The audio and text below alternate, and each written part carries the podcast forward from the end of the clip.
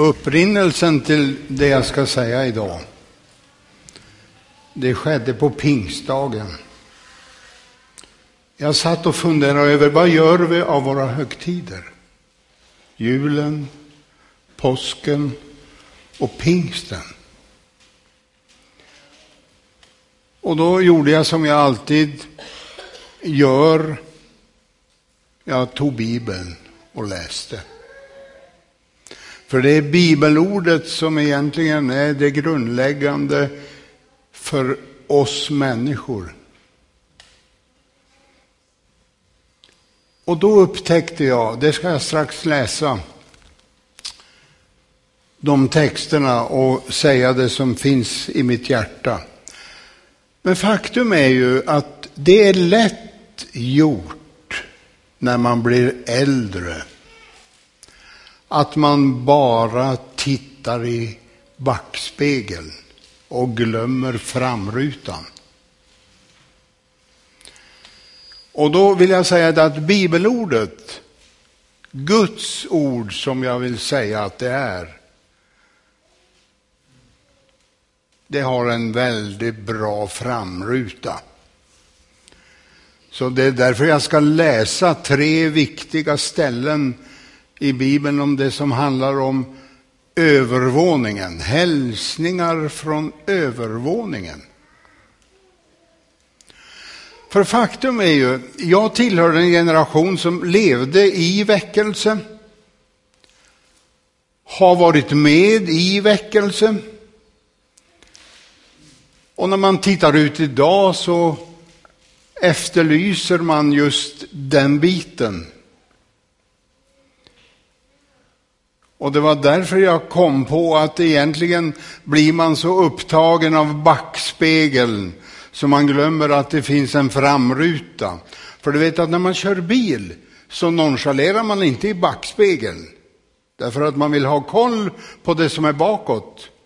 Men man är väldigt uppmärksam på framrutan och vad den signalerar till mig. För att jag ska kunna orientera mig framåt. Och faktum är ju att eh, ett andligt verk står ju aldrig stilla. Tiden går och det sker förändringar på alla områden. Det kan man eh, konstatera när man ser tillbaka på ett liv som är mer än 70 år. Nu läser jag texterna, för annars så eh, hamnar jag vid sidan om. Det är väldigt jobbigt att ha bara en hand. Den första texten den finns i eh, Daniels Danielsboken. Daniel kapitel 6. Bara en vers, men hela sammanhanget är av intresse. Så jag vill bara säga till dig som är flitig bibelläsare, läs gärna detta med hänsyn då till den vers jag läser. När Daniel fick veta att en sådan förordning hade utfärdats gick han hem. Fönstren på övervåningen vette mot Jerusalem och där föll han tre gånger om dagen på knä och bad och tackade sin Gud som han alltid hade gjort. Och så fortsätter jag och läser i Lukas 22. Då har det gått mer än 500 år sedan Daniel böjde knä i övervåningen. Och då läser vi i Lukas 22, vers 7. Så kom det osyrade brödets dag då påsklammen skulle slaktas. Och Jesus sände iväg Petrus och Johannes och sa, gå och gör i ordning påskmåltiden åt oss. Då frågade, var det, då frågade det var det skulle göra det.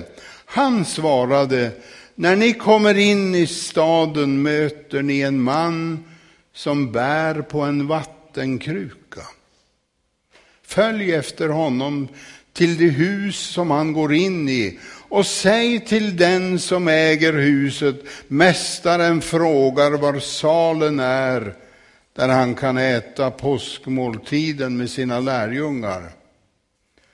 Då visar han er till ett stort rum i övervåningen som står färdigt. Där ska ni göra i ordning måltiden. Det gick och fann att allt var som han hade sagt och det ordnade för påskmåltiden. Och det tredje stället är Apostlagärningarna, första kapitlet och den tolfte versen. Då återvände de till Jerusalem från det berg som kallas Olivgårdsberget och som ligger bara en sabbatsväg från stan. Och när de kom dit gick de upp till det rum i övervåningen där de höll till. Och så räknas det upp då olika namn på de som var där. Och jag tar inte tid med att läsa dem och fortsätta. Men det här är ju alltså det som är begynnelsen till pingstdagen. Daniel. En av Bibelns intressantaste personer. Den mest intressanta av personerna i Bibeln som jag ser det, det är Mose. För han lyckades med konststycket att på två år skapa en nation, Israel, judafolket. Skapa gudstjänstordningen, tabernaklet, lagarna, allt detta, det skedde på två år. Men sen fick de gå i 38 år runt, runt, runt, runt i meningslöshet. Om de hade trott på Mose och Josua och Kaleb, då hade de varit för länge sedan inne i landet. Så har du Daniel. Han som var bland de första som deporterades av Nebukadnessar när templet skövlades och när det eh, raserades helt i Jerusalem. Då tillhörde han den kontingent av judar som var först som deporterades till Babylon. Den är 14-åring. Tänk att han var tonåring. Skildes från sina föräldrar. Hade ingen släkt heller med sig. Han var ensam. Men han hade sin gudstro. Och det var den han odlade. Och det var därför du har det här uttrycket som han alltid brukade göra. Han bad. Att vara en bedjare, det är inte fult. Utan att vara en flitig bedjare, det är något som är effektivt. Det kan synas som höjden av passivitet att stänga in sig och bedja, men du ska veta att det är en aktivitet i rörelse som är oslagbar i historien när en bedjare sätter knäna i golvet och börjar bedja. Då du, då bävar djävulen. Då bävar dödsriket. Då bävas det lite varstans därför att Gud är i rörelse. Daniel hade förankring i det förflutna. Han glömde inte sin historia. Han glömde inte vad som hade varit. Han mindes hur det var hemma hos mamma och pappa. Det var därför han öppnade fönstret mot Jerusalem och längtade hem. Jag liksom känner med honom, Daniel. Han kände att jag har någonstans släktingar. Jag har någonstans rötter. Jag hör hemma någonstans. Han öppnade fönstret. Han böjde knä och bad till sin Gud som han alltid hade gjort. Och orsaken var att hans fiender. Daniel hade många fiender. Du vet, han var premiärminister i Babylon och hade kommit som flyktingpojke ifrån Babylon och tillhörde judarna. Men han var premiärminister och alla hatade honom och de tänkte kan vi få någonting att anklaga honom för, då blir vi av med eländet. Det måste vara hans Guds tro, vi ska kolla. Men då lurade de kungen och sa att du ska säga till att man måste tillbedja kungen under en månads tid. Och gör man inte det, då hamnar du i lejongropen.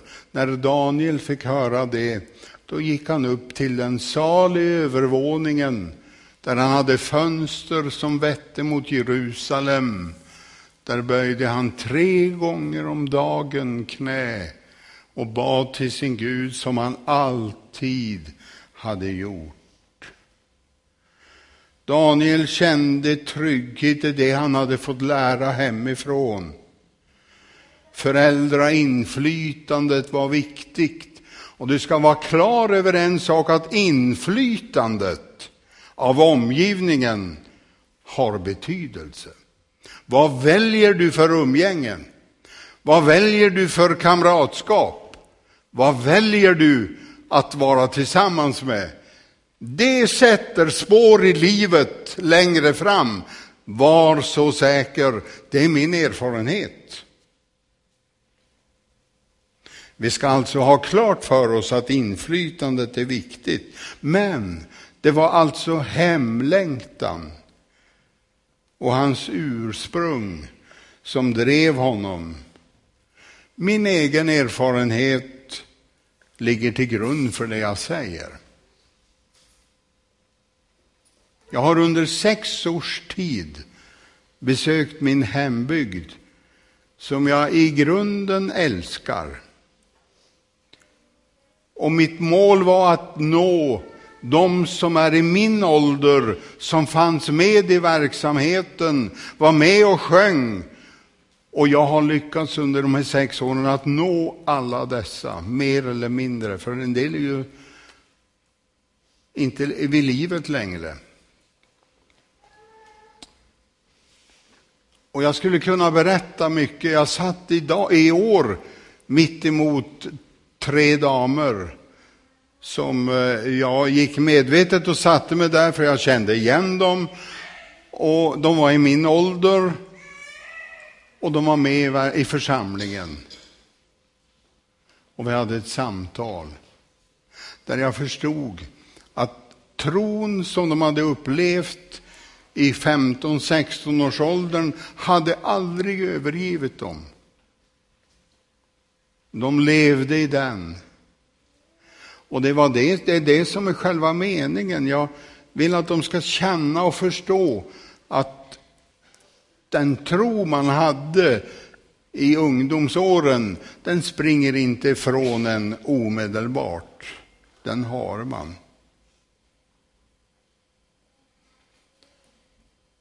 Visserligen hade Daniel ansvarsfulla uppgifter. Han var ju premiärminister, han hade stort ansvar för landet och så vidare. Men han unnade sig andrum mitt i förpliktelserna och han kunde konsten att prioritera. Och han gick inte in för bekvämligheten, utan han gick in för det som egentligen var det allvarliga. Och det jag tror Daniel bad om, för att nu avrunda och lämna Daniel och den texten, så var det så här att han bad om återtåg hem. Låt oss få lämna det här området. Låt oss få komma hem. Vad var det som kännetecknade honom för att avrunda det hela? Jo, Daniel, han bad och han längtade hem. Han längtade inte bara hem till Jerusalem, utan han längtade hem. Den andra hälsningen, Lukas 22, som också är hälsning från övervåningen. Den talar inte om hemlängtan egentligen, utan den talar om tradition. Har du tänkt på att när Jesus, 34 år eller vad det kunde vara han var, var medveten om att nu kommer mitt liv att utsläckas på jorden. Jag har fullgjort det jag ska göra, det som hör till mitt uppdrag. Då ville han avsluta det tillsammans med sin släkt det vill säga judafolket, de firade påskmåltiden i samband med uttåget. Och det är precis det vi ska vara med om.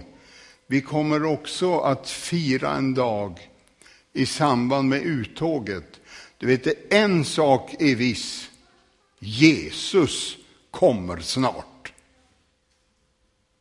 Han kan vara här när som helst. Och då hänger det ihop med precis det som, det som har med Daniel att göra, bönen och hemlängtan. Är du inställd på att han kan komma tillbaka? Jesus. Du vet, det som var skrivet om, för, eh, var viktigt för Jesus han följde skriftens ord i allt. Han avvek inte från det. Och det märkliga är att han visste hur man skulle hitta rummet. Han sa till Petrus och Johannes, ni ska gå in i stan. Då ser ni en man som går med vattenkruka. Det var inte vanligt. Det var kvinnorna som bar krukorna med vatten och inte gubbarna. Men du ska se en man, följ efter honom och gå in med honom i huset. Då kommer han som äger huset att visa er rummet och det står färdigt. Och jag undrar vad Petrus och Johannes tänkte när de gick. Ska vi få se en kar komma med vattenkruka? För det första. Och nu surrar han väl lite grann nu för att finns det ett rum som redan är färdigt? Och så kom de och var med om det fantastiska. En man med vattenkruka kom. De gick efter honom, kom in och då träffade de han som äger huset och frågade om var i rummet. Mästaren frågar efter den. Jo, följ med och så visade han, det var redan färdigt. Allt var som han hade sagt.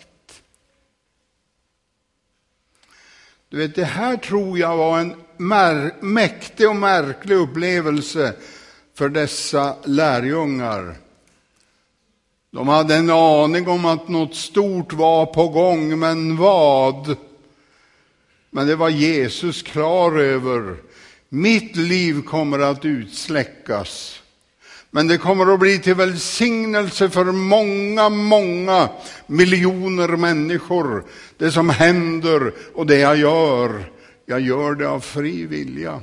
Har du tänkt på förresten att Jesus, han hade förmånen att välja vilken gestalt han skulle ha när han kom till jorden.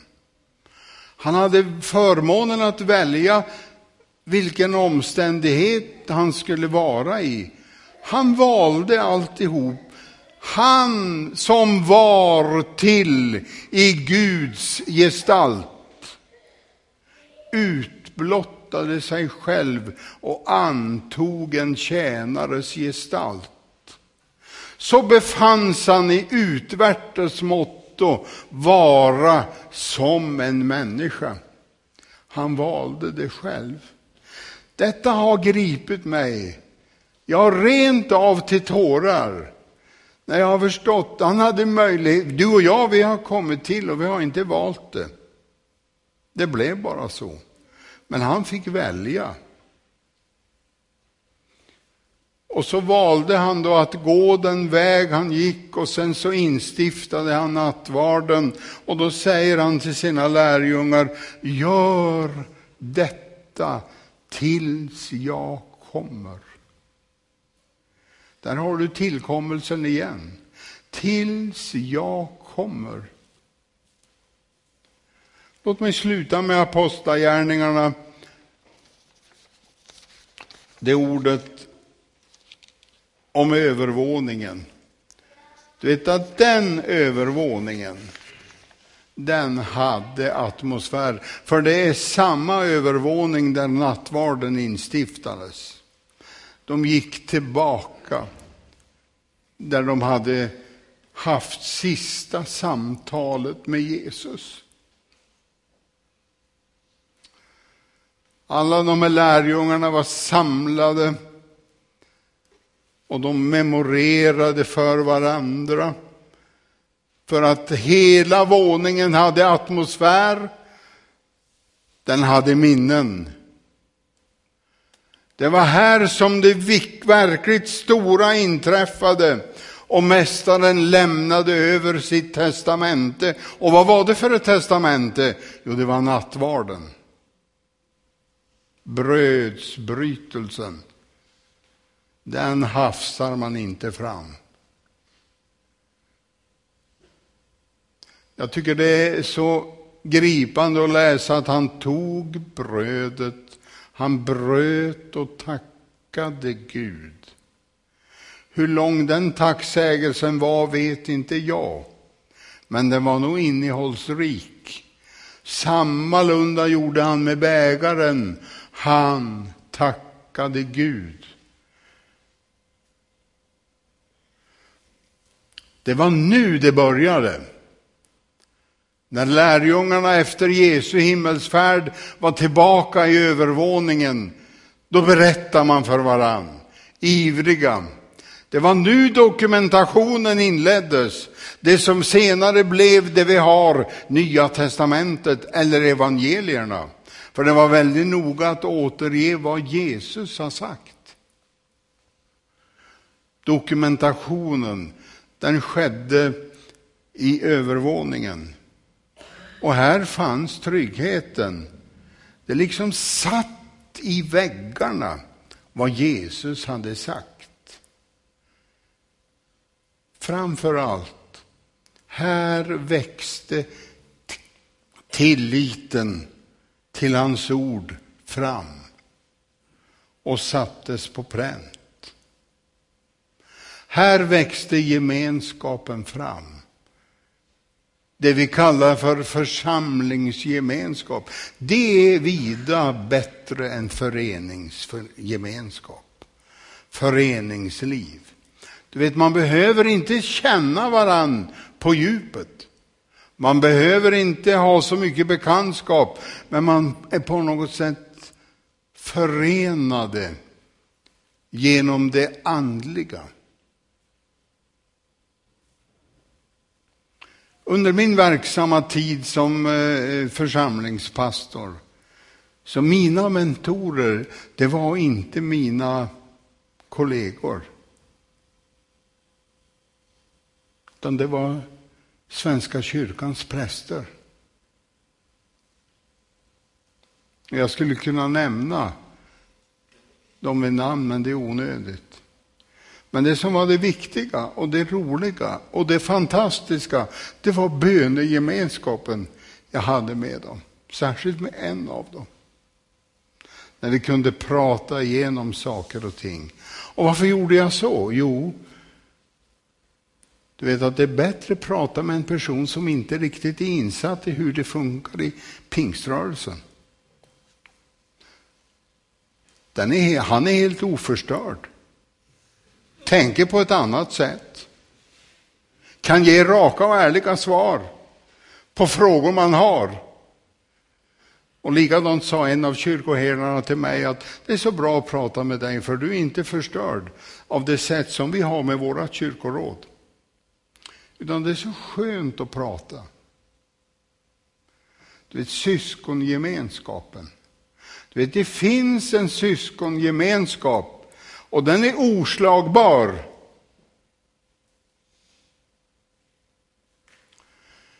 Det som är viktigt det är att vara en bedjare. Jag vill summera. En bedjare Och det andra, en väntande lärjunge. Han kommer snart. Jag tycker mig höra lite grann utav stegen i tiden över det som vad som ska hända i vår värld idag när Jesus visar sig på Oljeberget. För var så säker, han kommer att göra det. Och då kommer alla som är ute på webben att bli förskräckta. Var det sant alltihop det här? Jo visst, det är sant. Han finns. Han bryr sig. Han älskar dig och mig. Vet du, jag tror, låt mig sluta med det. Gud, han kommer inte att tillåta att det som är Guds församling slutar i nederlag. Utan han kommer att visa sin kraft och det kommer att bli en seger utan all like. Det var vad jag ville säga. Titta i framrutan. Vänta på vad som kommer att hända. Han kommer att göra något, vår Herre Jesus. Vi ber tillsammans. Gud, jag tackar dig för att du är här idag. Du har inte glömt oss. Du älskar alla människor. Tack för alla de människor jag möter i min vardag som är ganska begränsad, men ändå. Tack för att du välsignar ditt verk, alla församlingarna i denna stad. Låt Herre en andens vind blåsa som väcker liv i döda ben. Väcker liv i det som har haft liv en gång men idag är dött. Låt oss Herre få se dig i härlighet. Amen.